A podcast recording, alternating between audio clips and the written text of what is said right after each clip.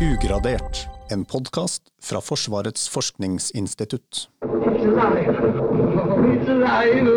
It's alive! It's alive! It's alive! You have created a monster and it will destroy you. Klippene du hørte her, er fra filmen Frankenstein fra 1931. Så kan du lure på hvorfor i all verden vi starter dagens episode sånn. Jo, for i dag så skal vi snakke om tukling med sjølve livet. Vi skal snakke om soldatforbedring gjennom redigering av genomet, altså arvematerialet som fins i cellene våre. Jeg heter Espen Hofoss, og i dag så har jeg fått besøk av eh, Ingunn Helene Monsen i studio. Hei. God dag. Du Ingunn, du jobber jo på et prosjekt her ved FFI som heter Tekno. Det er kanskje selvforklarende, men kan ikke du forklare litt hva, hva er det det prosjektet hva er det dere driver med der? Eh, Tekno står for eh, teknologiske trender og implikasjoner for militære operasjoner. Poenget er jo det å, å skjønne litt teknologier som ikke, ikke vi helt har sett si, effekten eller sett hvordan det brukes ennå. Og ønsket er jo å kunne prøve å skjønne litt for det første teknologien, verden består i, hva er det slags utviklingsmønster som er mulig å se for seg. Og så er jo hovedpoenget er å, å klare å skissere ut noen mulige implikasjoner av at den teknologien når modenhet. Altså, hvordan, hva den har, vil ha å si for Forsvaret i framtida? Ja. Du er jo statsviter, hva er det som gjør at du kan bli en teknologiekspert? Jeg er statsviter, men med et særlig fokus og kjærlighet for eh, teknologien og sikkerhet og teknologi. Og også det tverrfaglige er også en ting jeg syns er veldig spennende, som er i kjernen av Teknoprosjektet. Som går ut på å egentlig lene seg på den teknologiske ekspertisen som finnes på instituttet. Og så er det å prøve å dra det litt lenger opp i et lengre perspektiv. Og se, og se sammenhenger, rett og slett? Se litt sammenhenger, og prøve litt kreativ skriving og litt eh, workshop-aktivitet og sånn, for å se hva, hvordan kan det her se ut. Eh, ting som ikke finnes ennå. Hvordan, hvordan, kan dette utvikles og, og treffe oss? da? Mm. Og nå kommer vi jo til grunnen til at vi sitter her i dag. Fordi du har jo skrevet det vi kaller et eksternnotat sammen med Susanne Glenna, som er bioteknolog og akkurat nå jobber med doktorgrad i bio, bioinformatikk her ved FFI. Og Det notatet det handler om soldatforbedring gjennom redigering av genomet. Og jeg husker at jeg var på foredrag som du og Susanne holdt om det, og da husker jeg at jeg fikk hakeslepp. Og så tenkte jeg at det her det er både kjempeskummelt og kjempespennende, og, dere må jeg få inn i studio. I, i dette notatet og i foredraget så forklarer dere hva genredigering er, og, og hvordan teknologien kan brukes for å forbedre soldater. Eh, og, og, litt om altså, hva det vil ha å si for militære operasjoner i, i framtida. Men, men, aller først, altså tukling med gener, det, da går det noen eh, alarm, etiske alarmklokker. Eh, hvorfor har vi skrevet dette notatet? Eh, det handler om å, å, prøve å forstå de tinga som, som, kan treffe oss, egentlig litt uavhengig om det er noe som er interessant for oss å bruke eller ikke. Fordi det er eh, teknologi som modnes gjennom forskning som er veldig etisk akseptabel, og, og, som etisk behøvd, kan man også si. Gjennom sykdomsforskning og eh, eh arvelige sykdommer, medikamentproduksjon. Mange ting som er, som er samfunnsnyttig, og som vi har lyst til å ha mye forskning på. Men gjennom den forskninga så modnes jo også en teknologi som, som kan brukes til mye eh, skumle greier. Så det er ikke egentlig et fokus på hva er det som er skummelt og som kan true oss, men det er litt fokus på hva er det som ligger av muligheter og, og risikoer og alt mulig sånt i den teknologien. Eh, så vi prøver egentlig å unngå litt det her, det her normative blikket, eller normative linsa, på en teknologi, og liksom skjønne teknologien i bånn, og mm. ja, hva den kan bety. La oss starte på det helt, med det helt grunnleggende. Hva er egentlig genomet? Ah, genomet er, eller vi kan begynne med gener, for det er det som er mest kjent. Gener er jo det som ligger i arvematerialet vårt. Det er jo mange egenskaper og, og det som er byggeklossene i menneskekroppen. Uh, og gener er jo egentlig bare akkurat de oppskriftene på liksom funksjonelle produkter i kroppen. Uh, eller også egentlig alle andre levende organismer. Uh, men genomet er et veldig mye større liksom, økosystem som ligger, også er en del av arvematerialet. Så vi valgte å ha et fokus på genomet fordi det er mye mer knytta til sånt, si, en mer helhetlig forståelse av, av eh, oppskriften og hvordan de kommer til uttrykk i en celle eller i en, i en organisme. Eh, det er mange egenskaper i organismer og i mennesker som har opphav i genmaterialet. Og da har man jo lenge liksom tenkt at er, du har ett gen som skaper én effekt. Men det man har liksom skjønt gjennom forskning over, over, mange år, er jo at det er jo oftere mye mer komplisert enn det. Det er ofte mange gener som sammen skaper en effekt. Eller så er det eh, en liksom effekt, eller en, et gen som spiller inn i veldig mange prosesser. Og så har du dette her i flere ledd. Så du har et veldig, sånn, veldig komplekst og dynamisk system. Eh, og I tillegg så kommer jo epigenetikk og eh, mutasjoner. Ok, for Gener er jo noe som styrer liksom egenskaper øh, Både i selv, altså hva celler skal gjøre og hvordan vi som mennesker er. Men, men kan du komme med et eksempel på hva som styres av gener? Hvis jeg f.eks. er en hissigpropp, er det genene mm. mine, eller hva? Det er et veldig godt poeng, fordi bare den oppgaven å knytte en egenskap i et menneske til et opphav i genene, er veldig, veldig vanskelig.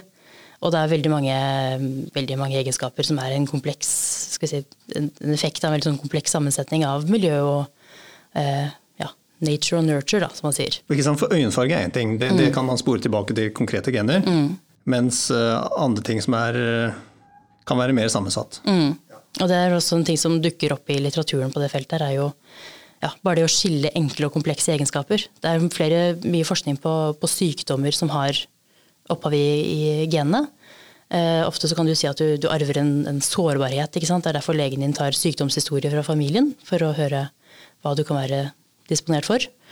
Eh, men så er det andre ting som er relevant i en militær kontekst, som eh, hvordan man håndterer stress, eh, behov for søvn og mer sånn komplekse ting, eh, som er sannsynligvis mer en sånn si, kompleks sammensetning da, av ting, noen biter i genene og noen ting fra miljøet. Ok, så, så, gener har sammenheng med egenskaper og, og evner. Men, men hva, hvor kommer da genredigering inn i bildet? Altså, hva, hva, er kan, hva, er det man kan, gjøre?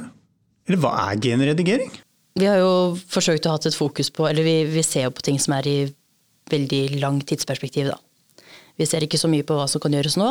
Eh, der er det jo skal jeg si, selve det å bruke genredigering på mennesker er jo ting som egentlig bare fins i sånn clinical trials, i sånn eksperimentell bruk.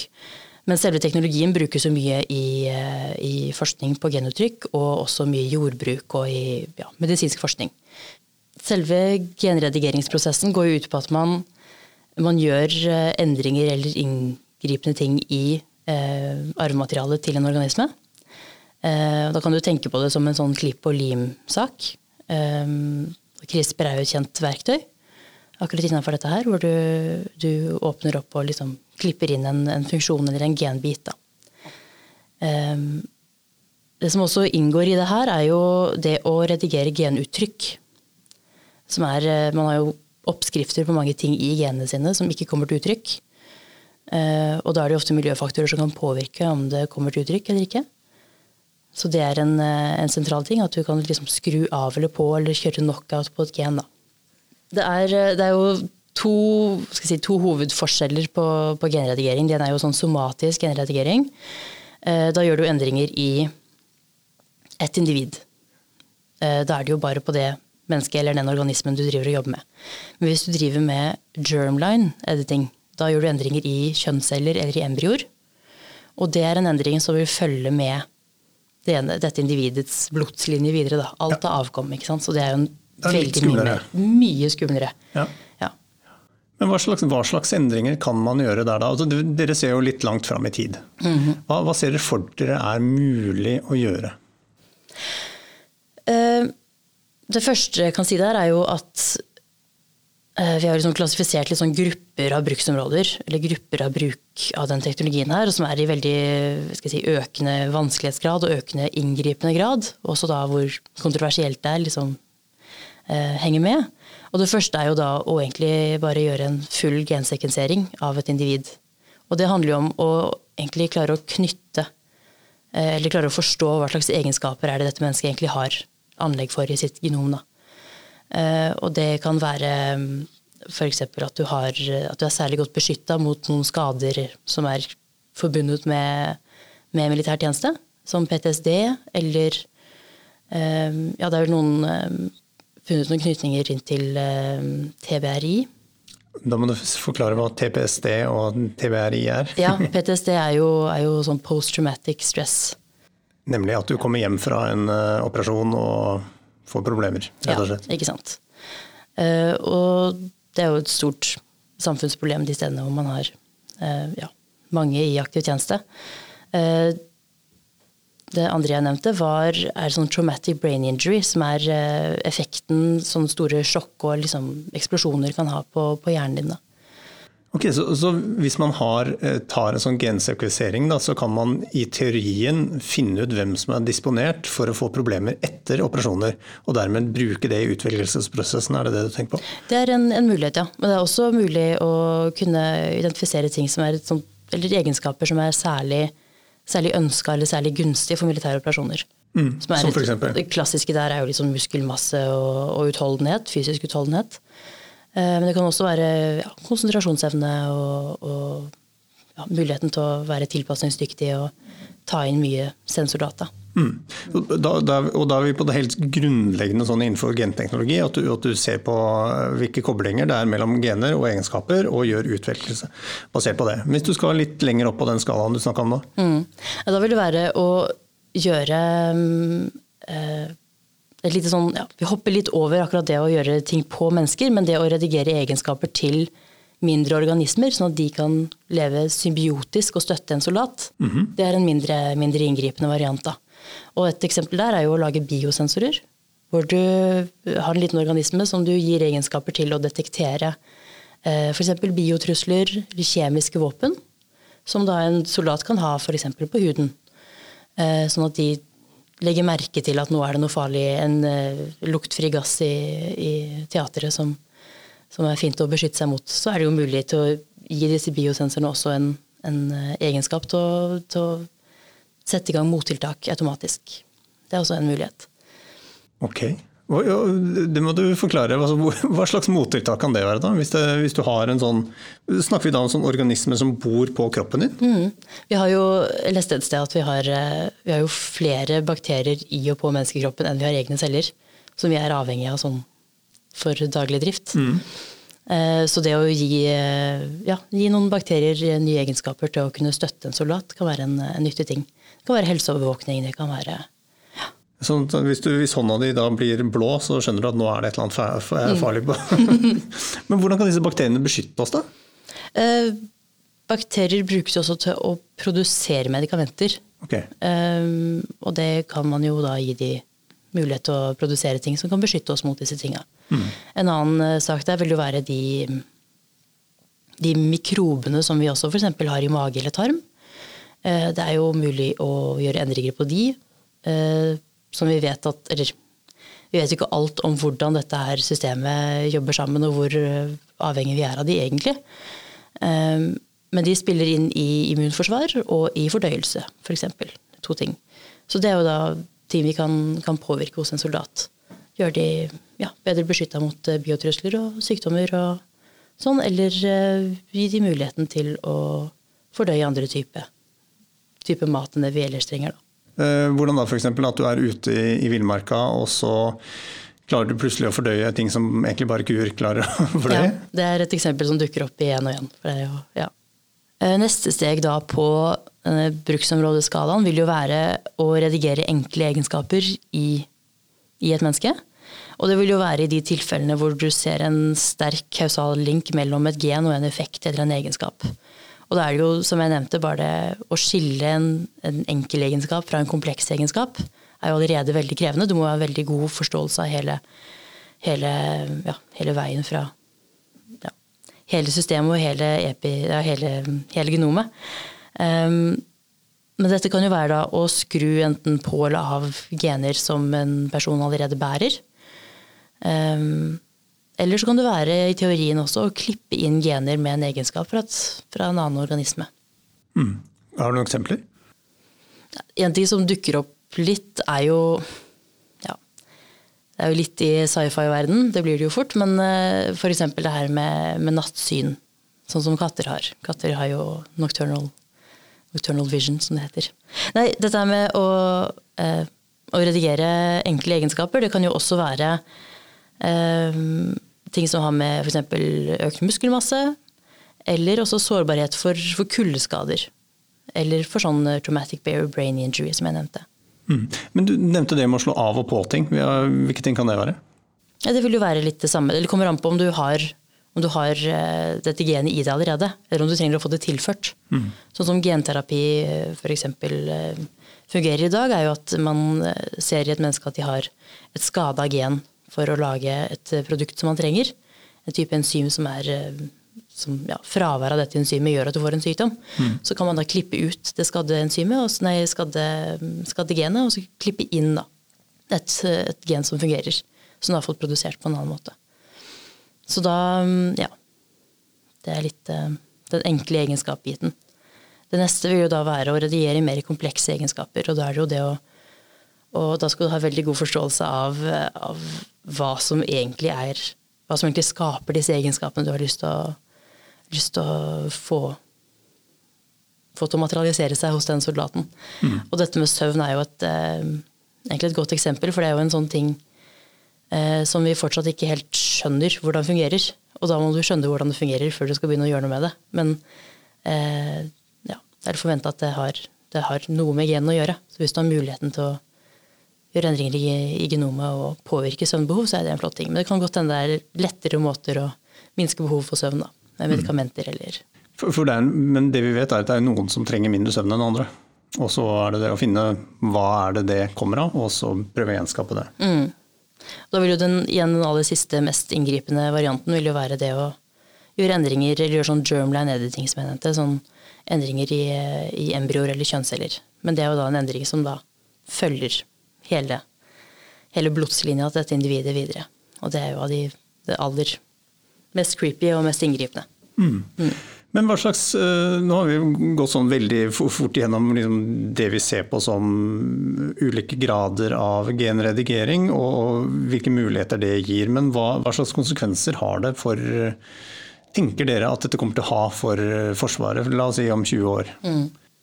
Eh, Den første tingen som, som skiller seg ut, eller som syns veldig godt, er jo det at du vil kunne få eh, eller mulig da, vil kunne få økt effektivitet ut av hver soldat. Eh, hvis du ser for deg at hver soldat er sterkere, eh, har bedre konsentrasjonsevne, eh, er, eh, kan ta inn flere, mer informasjon og prosessere mer informasjon, og da få bedre situasjonsforståelse. De kan være bedre koordinert. Eh, også da være mer effektive og, og ha mer presisjon i arbeidet sitt, eller ikke blir så påvirka av si, stress og søvnmangel og slikt. Og det kan jo føre til at du får mindre uønska menneskelig og materiell skade. De ser mer presise i, i operasjonene sine. Eh, Man kan se for seg at de er både fysisk og psykisk mer robust enn det man ellers ville vært. Og det kan jo komme til vei gjennom spissa rekruttering, eller at man eh, redigerer litt på de, de, tingene, de sårbarhetene da, som man har identifisert. Og det kan jo gjøre at man er, eh, har mindre risiko for skader på langt sikt. Eh, Og at man er bedre beskytta mot forskjellige typer trusler i felt. Da. Det er også et, et eh, poeng det her at det å øke den kognitive evnen hos hver soldat, eh, det kan jo også gjøre de bedre rusta til å holde tritt med en, med en teknologiutvikling sånn for øvrig innenfor militærteknologi. Eh, Fordi der ser man jo at trenden i våpensystemer generelt går jo mot økende grad av hurtighet. Og det er jo særlig hvis man begynner å introdusere autonome systemer på et eller annet tidspunkt. Så vil ting gå kjappere. Eh, Og det er også et poeng dette her med, med økt eh, mengde med sensorinput. At man vil få flere sensorer, mer informasjon å ta inn. Og da kan det være mer og mer krevende for soldater å skulle klare å orientere seg i hele dette rotete landskapet og klare å fatte gode beslutninger. Så da kan det jo, hvis man si øker, øker evnen hos den enkelte soldat, så kan man minske faren for kognitiv overbelastning og egentlig liksom komme litt forbi det problemet at det er mulig at mennesket blir liksom litt det svakeste leddet, eller blir den ikke svakeste leddet, men at mennesket blir den begrensende faktoren i framtidas krigføring. Fordi alt annet går så mye kjappere og er så mye mer data som, som produseres og kastes mot soldaten.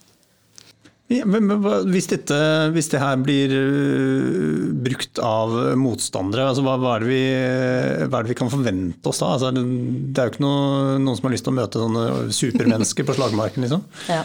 Det er um, ja, den, disse økte kapabilitetene som vi kan se for oss på, for oss på, en, eh, på vår side, den vil jo også være tilgjengelig hos en motstander, som du sier. Eh, og det at dette her er, vil være kommersielt tilgjengelig teknologi, så vil jo det her da gjelde både statlige motstandere, men også ikke-statlige aktører. Og det er et ganske relevant poeng, fordi da kan man jo se for seg at, at både terrorgrupper eller private militære selskaper kan ta i bruk en sånn teknologi kanskje før den egentlig er si, nådd en modenhet og nådd eh, ja, nådd et punkt hvor den er trygg nok at den er skal si, tolerant eller tolererbar for, eh, for ja, for, for det, for finnes regler, det finnes jo regler for f.eks. godkjenning av medisiner, men, men det er klart eh, terrorgrupper og andre eh, kriminelle miljøer vil ikke ha de samme sperrene for å bruke teknologi som ennå ikke er ferdig utvikla. Det er et veldig, veldig viktig poeng. Og det er Det skal jo sies at det går jo allerede an i dag å kjøpe sånne CRISPR-kits online. Ok, Ja. Hva kan du gjøre med det? Eh, Jeg har sett noen hvor de hevder å, å kunne booste det enzymet som, eh, som bygger muskelproteiner.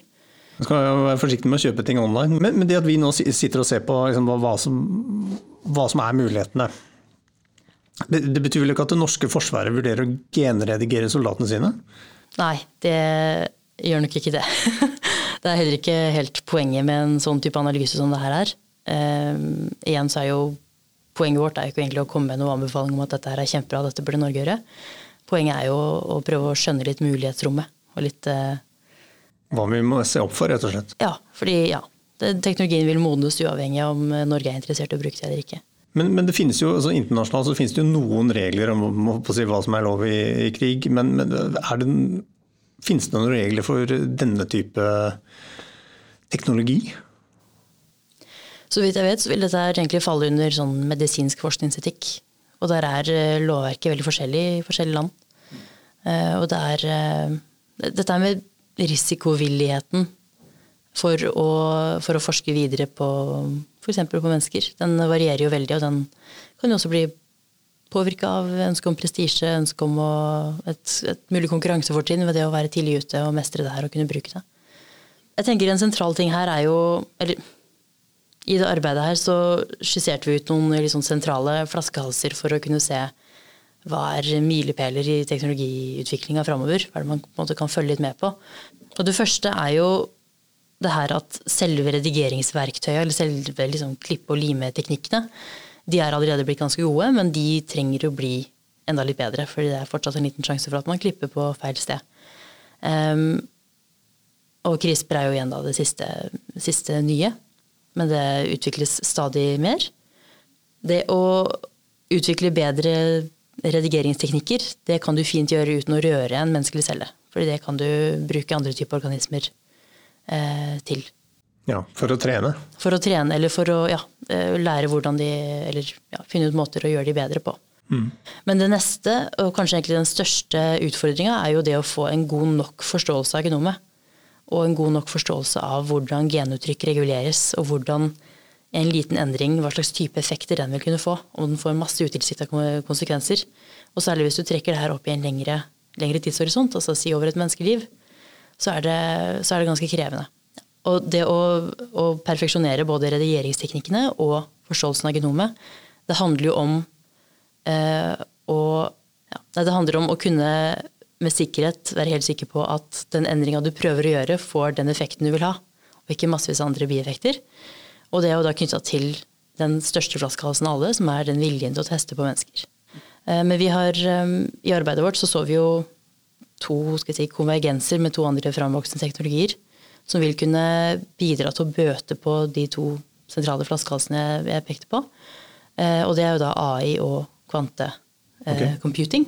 Ja, hvordan kan det hjelpe? Fordi si at man um, Si at du har fått en full oversikt over en persons genom. For den fulle oversikten er du nødt til å kunne danne deg på for hvert enkelt individ du skal kunne redigere på. Eh, Så si du har gjort det, og si du kan duplikere da hele dette menneskets genom i et datasystem. Og så kan du da ved hjelp av AI eh, klare å egentlig si, lage en slags tvilling av denne persons genom. Og da kan du simulere endringer virtuelt. Og hvis du kjører disse simuleringene si hundretusenvis av ganger, så vil du kunne måte, teste ut uten å teste ut. Mm. En sånn type endring. Du slipper å prøve det i praksis på mennesker, du kan kjøre det i dataprogrammer og se hva slags effekter forskjellige endringer har. Og da vil du trenge ganske mye prosesseringskraft da, fra quantum-computing. Men alt dette her, det er en ukjent teknologi, og vi vet jo ikke konsekvensene av det. Altså, hvilke potensielle neg- negative sider er det dere ser ved, ved sånn genredigering i den settingen her, for Forsvaret og s- soldater? Det er en del, eh, en del eh, analyser og arbeid som gjøres blant militære etikere på akkurat det området her. Eh, Og en ting de peker på, er jo hva slags type psykologisk effekt er det soldatforbedringsteknologi, eller da òg genredigering for soldatforbedring, kan ha på den enkelte soldat. Eh, Og da En ting som holdes fram, er jo det her med mulig endra risikovurdering hos den enkelte. Eh, Fordi man kan se for seg at, eh, at soldatforbedring kan gi økt, sant, økt yteevne eller økt beskyttelse, eller begge deler. Og hvordan dette her da påvirker risikovurderinga til den enkelte soldat, kan jo være en, en litt sånn vanskelig greie. Fordi det kan jo være um, at man føler seg særlig beskytta eller særlig sterk og særlig um, At man tar Særlig. store sjanser, da. Ja, litt det. Det er mulig at man egentlig aksepterer mer risiko enn det denne teknologien gir da beskyttelse eller evneøkning. Det er en, eh, en mulig fare. Eller så eh, er det også snakk om hva slags virkning vil det her ha på militært kultur. Altså i, eh, i en kultur og et miljø hvor, eh, hvor tillit og samhold er veldig viktig. Og man eh, skal stole på de andre rundt seg og være villig til å ja, Men hva er det man tenker, altså samhold, hva, hva slags effekter ser man, eller hva slags farer ser man ved det? At det går utover det, det som ses på som en styrke i militære enheter med samhold, at det kan bli dårligere? Tanken er egentlig at det er et, et veldig sentralt spørsmål er om eh, sånn teknologi som det her skal være frivillig eller obligatorisk i en militær sammenheng.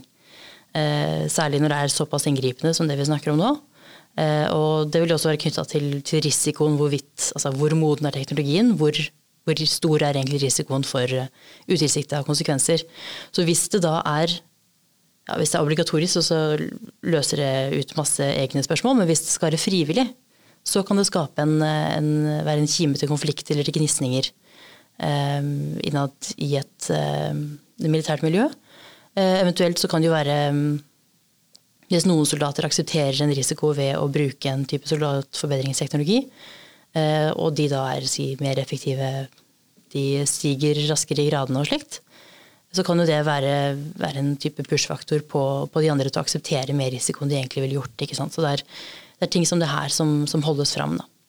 Og et siste, et siste poeng er jo hva er det man skal gjøre med teknologien etter endt tjeneste.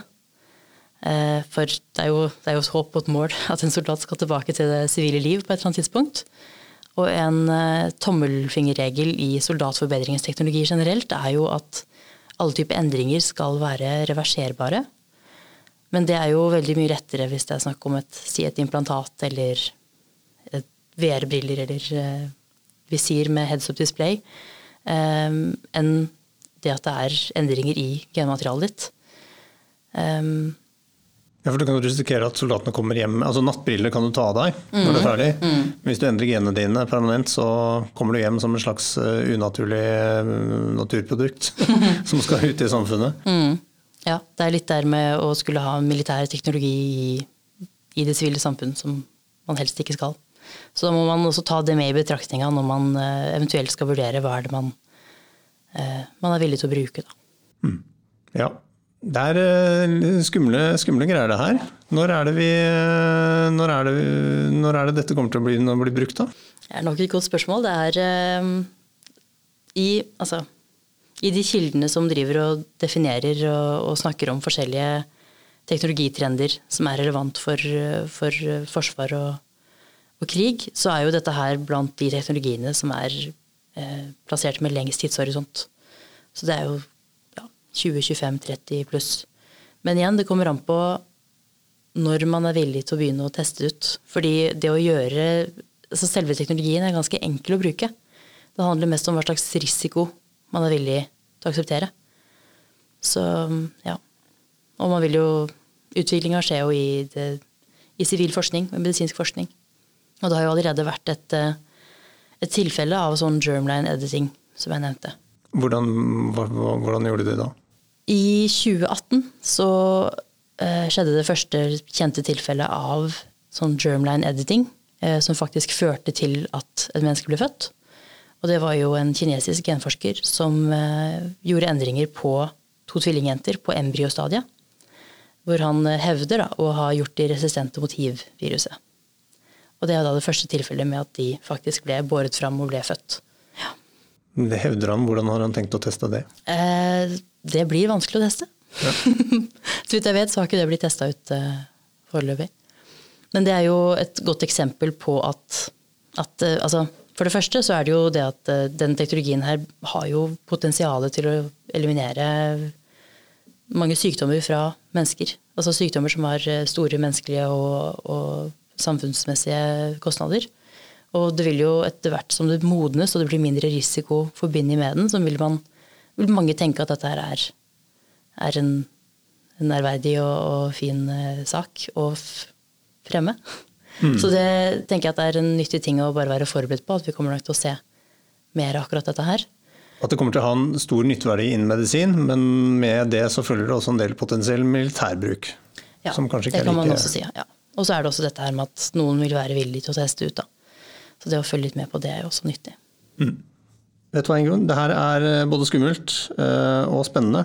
Eh, Tusen takk for at du tok deg turen ned i studio. Dere som hører på der ute, får følge med på Spotify og andre podkastkanaler for mer innhold om forsvar, teknologi og forskning fra oss i FFI. Takk for i dag. Your health will be ruined if you persist in this madness.